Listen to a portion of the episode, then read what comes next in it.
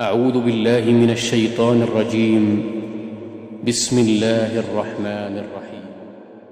ألم تر كيف فعل ربك بأصحاب الفيل؟ ألم يجعل كيدهم في تضليل؟